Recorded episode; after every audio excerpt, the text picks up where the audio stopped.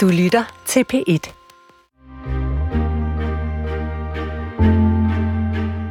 Jeg hedder Annette Heik, og jeg er sangerinde og journalist med mere. Og når jeg bliver ramt af kunst, så øh, handler det især om en eller anden tone, gerne i et, et billede, som er, mm, jeg vil umiddelbart sige feminin, og det kan jo være svært at beskrive. Det er en stemning, det er en følelse, og jeg tror i og for sig, alle kender det der. Det er det samme som når man er ude og kigge på et hus, eller man hører en sang. Det rammer et eller andet dybt inde i en. Og øh, man ved ligesom, når den er der. Og øh, ja, men altså, havde jeg, havde jeg penge nok, så havde jeg nok købt en, en, et Anna Anker-billede. Det ville jeg i hvert fald ønske, at jeg engang fik råd til at have hængende på min væg. Men jeg har nu alligevel flottet mig og øh, købt noget af en kunstner, som jeg beundrer utrolig meget, og heldigvis så er hun nu levende, og hun hedder Katrine Raben Davidsen. Velkommen. Tusind tak.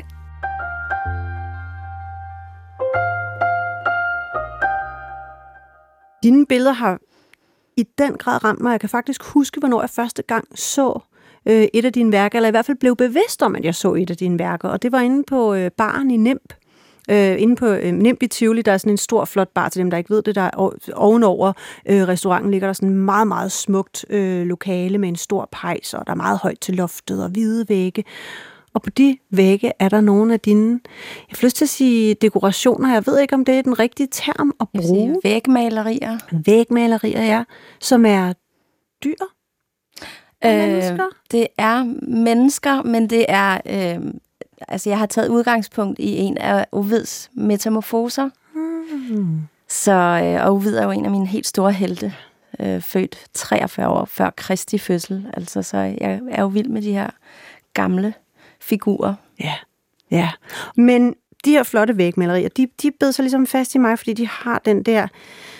Jeg bilder mig ind, at det er en feminin streg, og jeg håber ikke, jeg fornærmer dig ved at sige det, men der er bare der er noget, der fuldstændig taler ind i mig, når jeg kigger på de øh, billeder, du har der.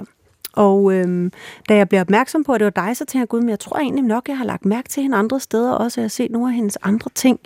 Og på et tidspunkt læser jeg så en artikel med dig, hvor du fortæller, at, at øh, der er, er mange sådan store banker og koncerner, som bestiller værker hos dig, som så hænger på deres vægge.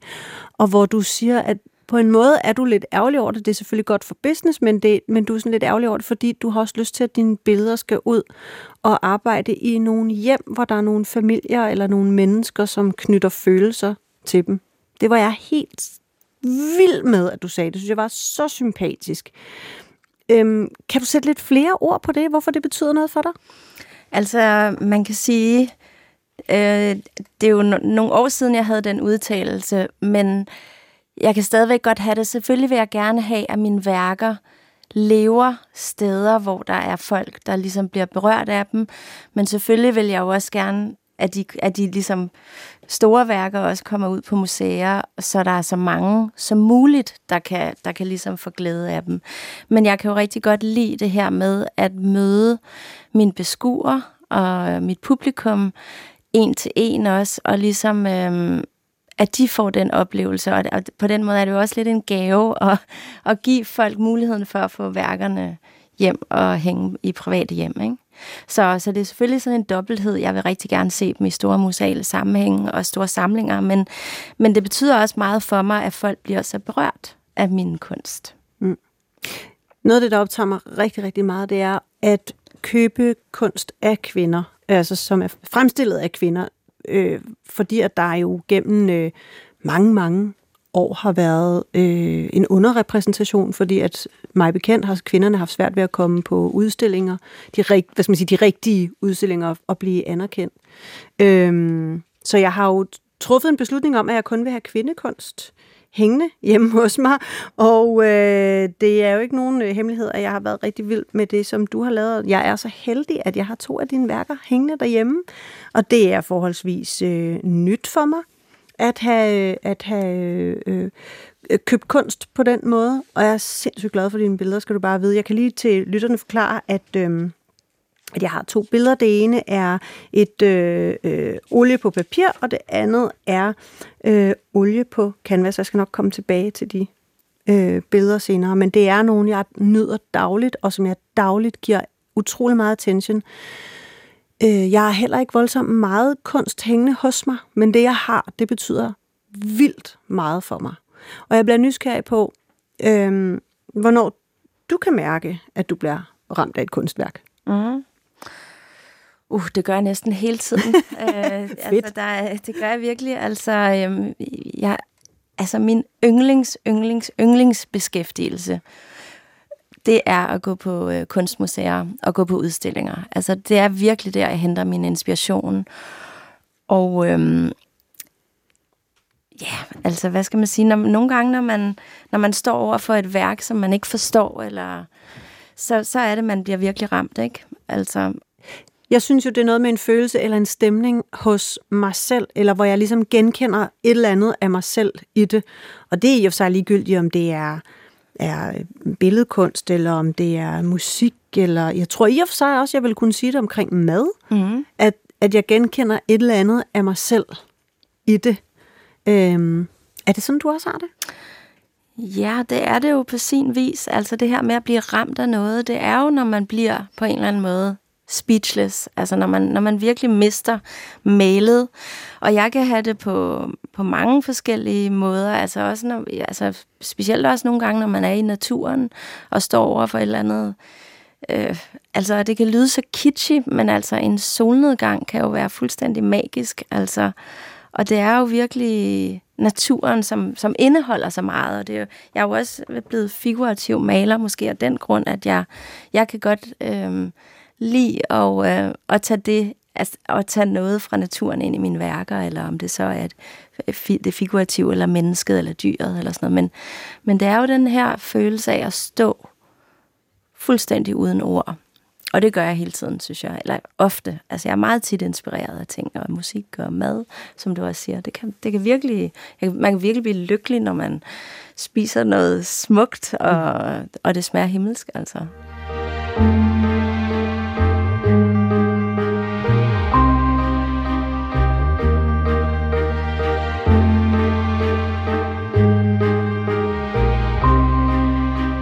For snart et år siden, der fyldte jeg 50, og i den anledning tænkte jeg godt, at jeg kunne tillade mig at ønske mig en fælles gave af mine gæster.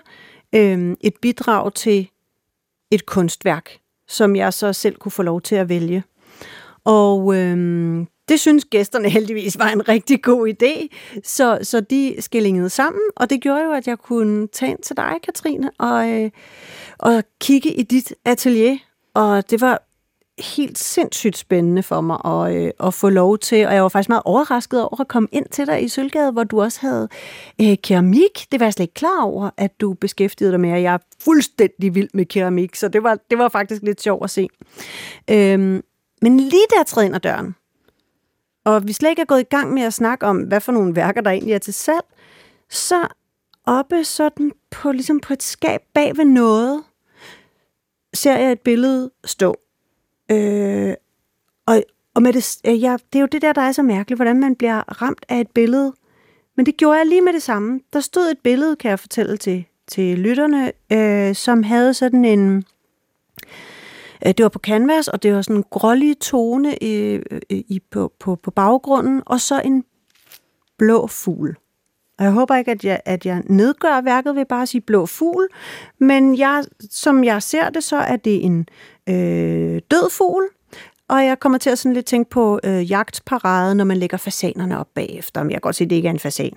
Men altså, øh, det er en fugl, som har nogle øh, meget smukke blå toner, og hvor øh, man næsten fornemmer fjerne. Der er ikke malet fjer på på den måde, men, man, men det er så stofligt øh, for mig, og farverne er så usandsynligt smukke, og fuglens ansigt, kan man sige, at en fugl har et ansigt? Det er egentlig i tvivl om. Altså, fuglens, fuglens udtryk er bare...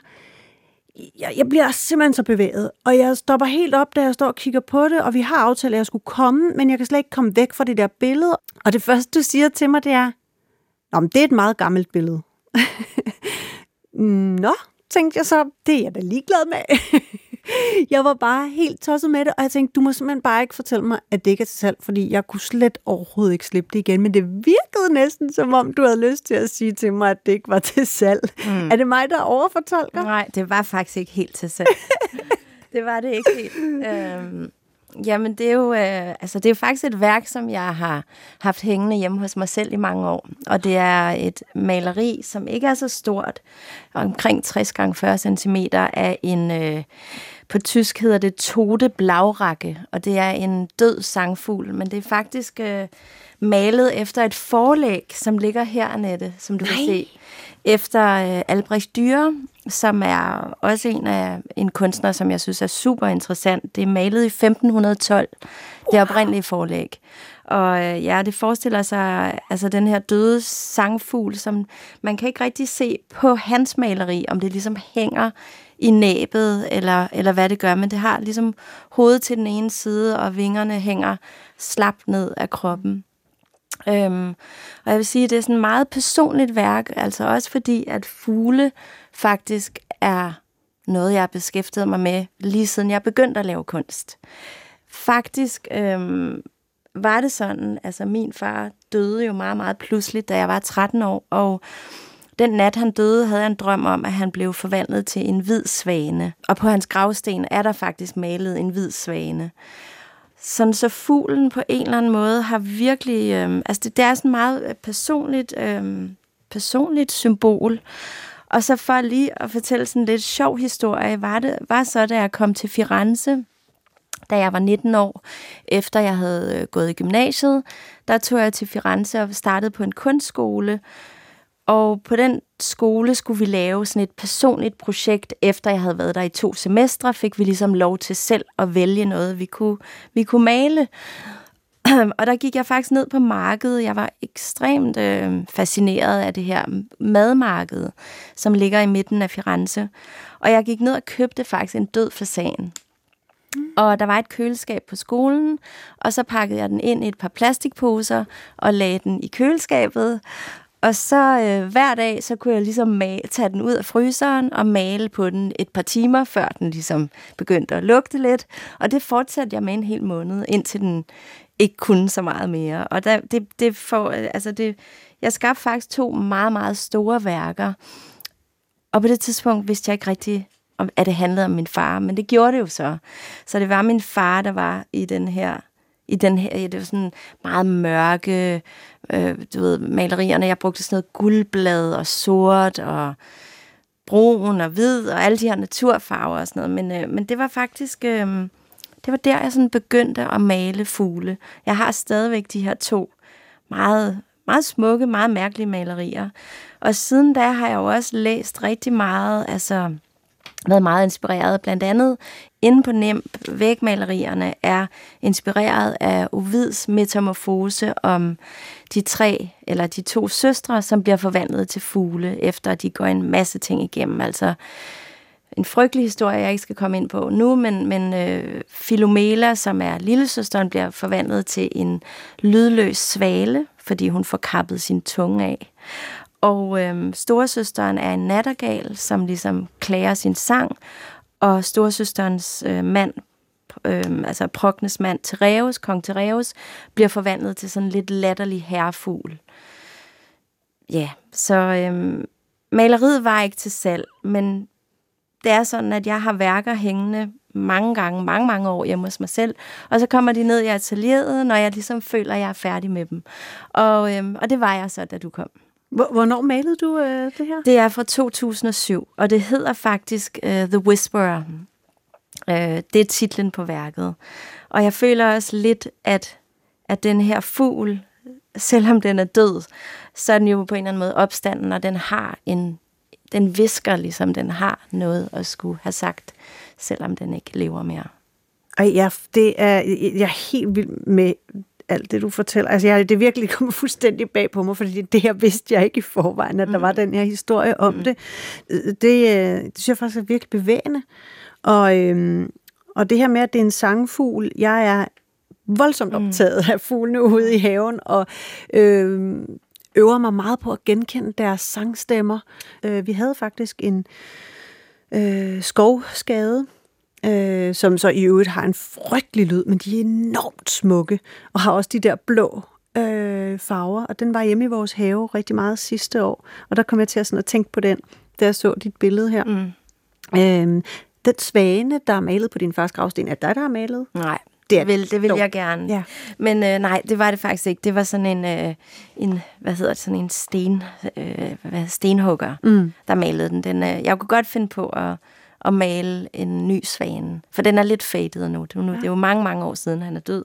Men, øh, men den betyder stadigvæk meget, og jeg synes, det er fint, den er på den sten der. Og jeg ved, at du for nylig har malet en svane, for det har jeg ja, set inde på Instagram. mange svaner. Ja. ja, det har jeg nemlig. Altså, øh, men det er jo også det her med, at jeg har også arbejdet rigtig meget med alkemi i mine, i mine værker, og det er det her med, at øh, altså, i middelalderen troede man, man kunne lave guld, men det er jo ikke rigtigt det, mine værker handler om. Men de handler ligesom om, at man kan forfine noget, om det er ens selv, eller ens relationer, eller ligesom, hvordan laver man ligesom den bedste version af sig selv, eller det billede, man ligesom, det verdensbillede, man er i. Og, øhm, og der er fuglen også netop symbolen på det her, på sjælen og ånden og svanen i alkymien er netop symbolet for, for renhed og transformation. Din blå fugl, den hænger øh, hjemme i min stue nu og øh, er til stor glæde hver eneste dag. Øhm, men i virkeligheden var det jo slet ikke det billede, jeg kom ned efter hos dig, fordi jeg skulle ned i dit atelier og vælge et billede, som øh, mine gæster skulle give mig, da jeg fyldte 50. Og øh, der viste du mig rigtig mange ting. Og det var meget forskelligt, det du viste mig. Jamen, der var både... Men det måske kan du selv forklare, hvor forskelligt det egentlig er, det du har liggende. Altså, fordi det ligner slet ikke hinanden. Nej, det er... Det, jeg, jeg, jeg spreder mig rigtig meget. Det tillader jeg mig at gøre. Øhm, og nu nede i mit atelier er der jo også ældre værker, som du ved, altså der er jo, der er jo, der er jo fyldt op med, med, med rigtig mange værker og skuff, skufferne buner. Men altså, øhm, jeg kan også godt lide at, at arbejde med forskellige teknikker, og, øhm, og, og, og kan bare, altså den der frihed, det giver. Og så selvfølgelig går jeg igennem, igennem forskellige stadier og sådan noget, og lige da du kom, øhm, og skulle se øhm, skuffen med, med tegninger, mm. som, som lå løs, der havde jeg lige færdiggjort et øh, Zoom-kursus faktisk, kan du huske det? Ja. Med min, øh, med min mentor, som jeg jo mødte i Firenze, hvor vi er en helt gruppe kunstnere. Og der havde vi øhm, faktisk øh, været meget optaget af øhm, et emne, der hedder The Human Dilemma, som egentlig handler meget om, om vores om menneskets plads i verden i den tid, vi ligesom lever i nu og her, oven på covid også, oven på pandemien, og hvad vi ligesom har lært af den, ja, i forhold til øh, vores forbundethed, tror jeg, både til hinanden, men også netop til naturen, fordi jeg tror, vi alle sammen oplevede, hvor meget vi ligesom kiggede ind af, og fordi der ikke var så forfærdeligt mange ting at lave, men også hvor meget kunsten lige pludselig kom til at betyde for mange mennesker, og musik, og så videre. Og, øhm, og det her lille værk, du så, som du har hængende hos dig nu. Mm. Det er faktisk øh, uden titel. Det er ikke så tit, jeg laver uden titel. Jeg tror simpelthen ikke, jeg var helt færdig. Altså, jeg, havde, jeg havde ikke nået at give det en titel, før du ligesom kom på en eller anden måde. Men det er jo, det er jo fra sidste år, og det, det er sådan meget, øh, på en eller anden måde, det er meget sådan teknisk nørdet, fordi jeg arbejdede meget med, du ved, farve, bland, altså mix, uh, color mixing, som jeg jo elsker helt vildt, så der er sindssygt mange forskellige farver i den. Så det, altså jeg er sådan meget nørdet kunstner, fordi jeg virkelig går ind, øh, både teknisk og, øhm, og også historisk og så videre. Og det forestiller på en måde, altså nu, nu er det jo også det der med, at jeg skal jo heller ikke lægge nogle ting i det. Nu har jeg jo fortalt dig hemmeligheden om fuglen, mm, det ved jeg ikke, var, om var en god ting eller en dårlig mm. ting. Men sådan som jeg ser det, så er det jo en, det kunne være den samme figur, det kunne være en figur på tre forskellige aldre, eller det kunne være netop øhm, tre forskellige personer. Altså det er jo igen det her med, mm. at det forestiller nogle figurer, som man ikke helt ved, ved, hvem er, eller om er det det samme menneske. Jeg ved det ikke. Det er så sjovt, du siger figurer, fordi jeg er jo så ja. fuldstændig overbevist om, at det er kvinder. Ja, Altså, det er jeg ikke helt overbevist. Ej, hvor er det sjovt. Ja. Fordi hvis jeg skulle beskrive over for en, en, en tredje person, hvordan genkender man ligesom Katrine spiller Altså, når jeg har sagt til folk, jo, men du ved godt, hvem det er. Det er den, der laver de der øh, øh, kvindeskikkelser. Der er så mange kvindeskikkelser, og du kender dem med det samme, du kender stregen med det samme. Og for mig, der, alle de billeder, jeg ser, øh, som du har lavet, der har det altid været kvinder. Men ja. det, er jo, det kan jo være mig, der øh, lægger jeg noget tror, i det. Jeg tror faktisk lidt, det er meget sjovt, du, du siger det. Ikke? Jeg tror faktisk lidt, jeg har været meget misforstået. På en eller anden måde, så tror jeg, at nu har jeg jo bevæget mig rigtig meget. Jeg startede med at lave de her kvindeskikkelser, og jeg tror faktisk, at jeg er blevet sat rigtig meget i bås, så det vil jeg faktisk rigtig gerne gøre op med mm. os. Fordi at, øhm, at når du kigger på min øvre nu i dag, altså så har jeg jo bevæget mig meget længere, og, og lige nu er jeg meget optaget af landskabsmaleriet, men det er det her med, at mine værker har, næst, det har næsten været fy i kunstkredse, og synes, at de var gode, fordi de var for smukke. Så jeg har altid prøvet at gøre op med det her med skønheden. Det er meget, det er meget interessant ting jo at tage fat i. Og, jeg, jeg, jeg, jeg bliver faktisk så provokeret, så det er lige før, jeg får sådan en hedeanfald. Altså, det kan jeg slet ikke forstå, at man kan, kan sige om om kunst. Det er faktisk forbi min fatteevne. Jeg forstår simpelthen ikke, hvorfor det ikke må være smukt. Altså, jeg, jeg kan godt forstå det, men, men på en eller anden måde, så, øhm, så handler det jo om, altså, mine værker skal jo også altså man skal jo også altså ikke man skal jo se bag om skønheden, mm. fordi hvis du går ind i værkerne og ligesom forstår hvad de handler om og sådan noget, så handler de om en grusom form for skønhed på en eller anden måde, ikke?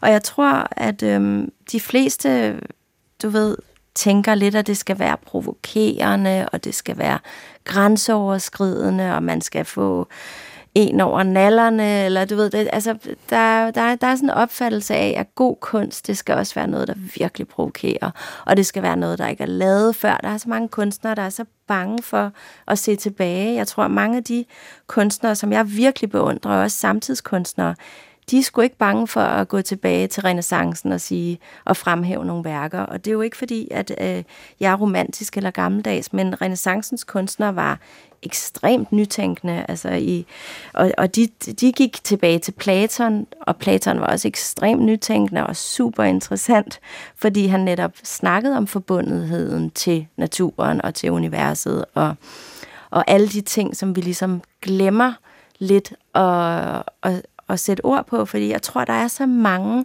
der er drevet af det her med, at jeg skal ikke lave noget, der allerede er blevet lavet. Jo, det kan du sagtens, fordi du kan, og, og nu viser jeg dig også nogle par fraser, fordi du skaber dit eget sprog med det.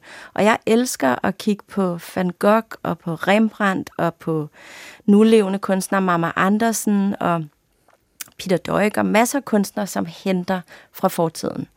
Og det tror jeg lidt, at, jeg ved sgu ikke, om det er en dansk ting, men mange store internationale kunstnere er dybt inspireret af Uvid lige nu, eller af Dantes Inferno, og altså virkelig, jeg synes, det er så misforstået, at vi ikke kan hente noget i, øhm, i fortiden. Altså oplever du det der specielt i Danmark, at der er sådan en, en fordom omkring det der med, med det skønne? Ja, på en eller anden måde. Jeg tror må, forhåbentlig er det ved at ændre sig lidt. Eller det, det, altså, men skønhed er jo også en svær, svær ting at snakke om.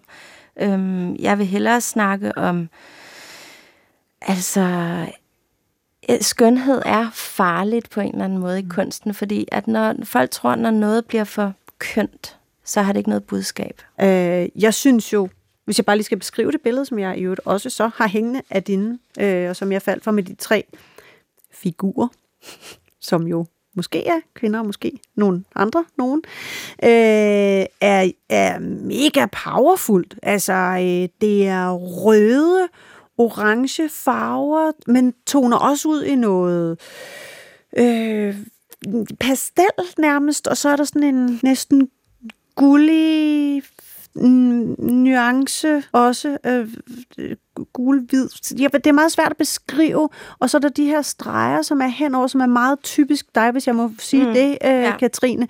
Øhm, du har brugt forskellige, forskellige øh, øh, ting, du har farvet med. Altså, jeg får lyst til, at du både, der både er, er, er oliefarve og... Ja. Øh, hvad, du bruger alle mulige ting og sager. Det er lige før, at jeg også vil sige, at der var tus. Det er der ikke, men altså... Ja. Altså, det her er faktisk olie, men det, jeg tror, det er den måde, jeg bruger olien på. Jeg tror også, ja. jeg bruger jo bare, så bruger jeg jo... Altså, det er jo igen mit nørderi, men, mm. men det er jo igen det her med at øh, altså, have en masse ingredienser i virkeligheden i et værk. Altså, du bruger tynd, en, en lille pensel, en rund pensel, en firkantet pensel, mm altså det er jo ikke sådan, når jeg laver det, jeg tænker, at jeg skal bruge forskellige pensler, men, men jeg tænker også over, at jeg gerne vil have noget dybde, og jeg gerne vil have noget, nogle, nogle mørke toner, nogle lyse toner. Altså det, det, det er sådan lidt sjovt, fordi der er nogle ingredienser, jeg synes, der skal i, før det ligesom kan fungere. Ikke? Ja. Nu er jeg jo helt ked af, at jeg kom til at sige, at det er kvindeskikkelser, hvis det nu ikke er det. Nej, men det er jo, men, jeg... men, men det er jo også meget sjovt. Hvis du synes, det er kvindeskikkelser, ja. så er det, fordi det er jo ikke mit billede længere. Nej. Altså sådan har jeg det jo også, når jeg laver nogle værker, så er det ligesom, så har jeg lavet dem, og det er jo ikke min fortolkning. Nej, og det, det, det, og det sjove ved det er, at jeg ser, jeg ser tre kvinder fra hver sit, øh, fra hver sin kultur i det her. Jeg ser, øh, jeg ser en, øh, hvad skal vi sige, en, en europæisk kvinde i midten. Jeg ser en, øh, en kvinde, som jeg umiddelbart tænker kommer med en anden religion, men jeg kan ikke sige dig præcis hvilken, øh, ude i højre side. Og jeg ser en øh, afrikansk, nordafrikansk kvinde i venstre side, og jeg ser deres møde med hinanden, og de ser en lille smule øh, triste ud måske, men jeg tror i virkeligheden mere, at de er alvorlige, og at de forstår hinanden det, det er, for mig er det sådan et, kulturelt møde øh, mellem tre kvinder. Og det kan være, at hvis vi snakker sammen om et år, at så har jeg øh, øh, gået så meget rundt omkring det i mit køkken, så det pludselig er noget helt andet, jeg, mm. jeg ser. Jeg synes i hvert fald, det er et mega stærkt billede, og også det her billede hænger det perfekte sted i mit køkken, hvor jeg ser det hver dag, og hvor jeg hver eneste dag glædes ved det.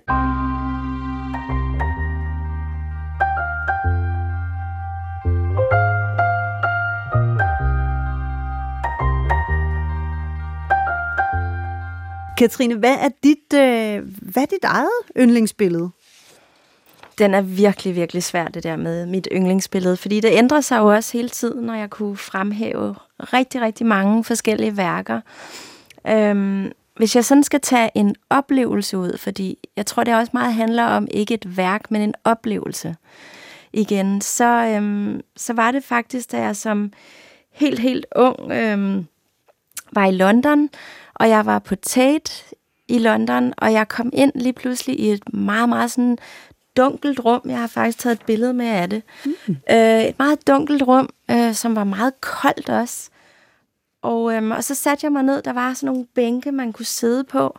Og, og belysningen var altså helt mørk, og på væggene hang der øh, ni meget, meget store malerier. Jeg tror, det var sådan noget 3 gange 3 meter, de var øhm, som var sådan rødlige og brunlige, helt abstrakte, sådan nogle firkanter.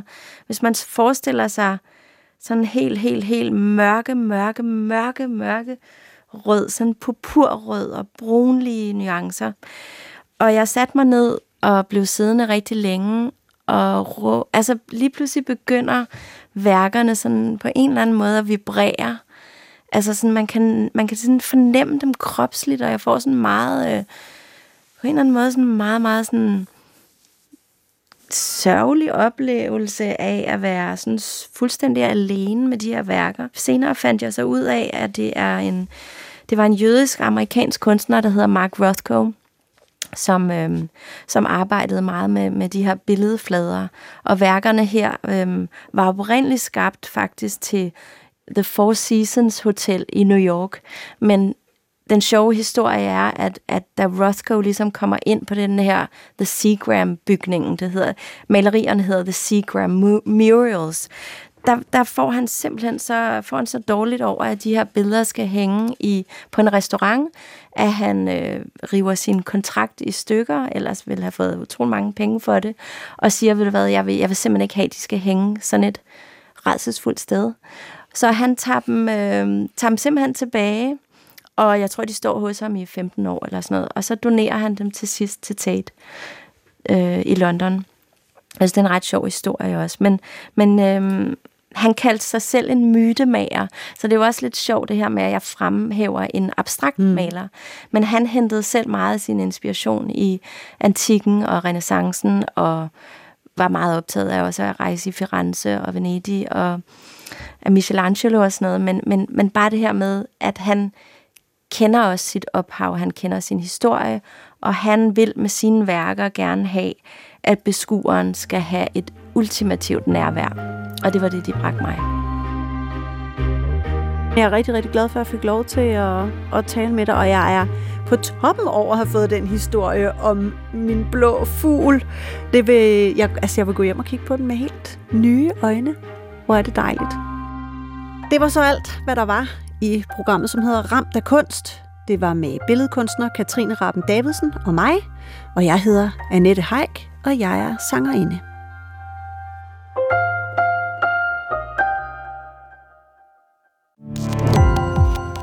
Gå på opdagelse i alle DR's podcast og radioprogrammer. I appen DR Lyd.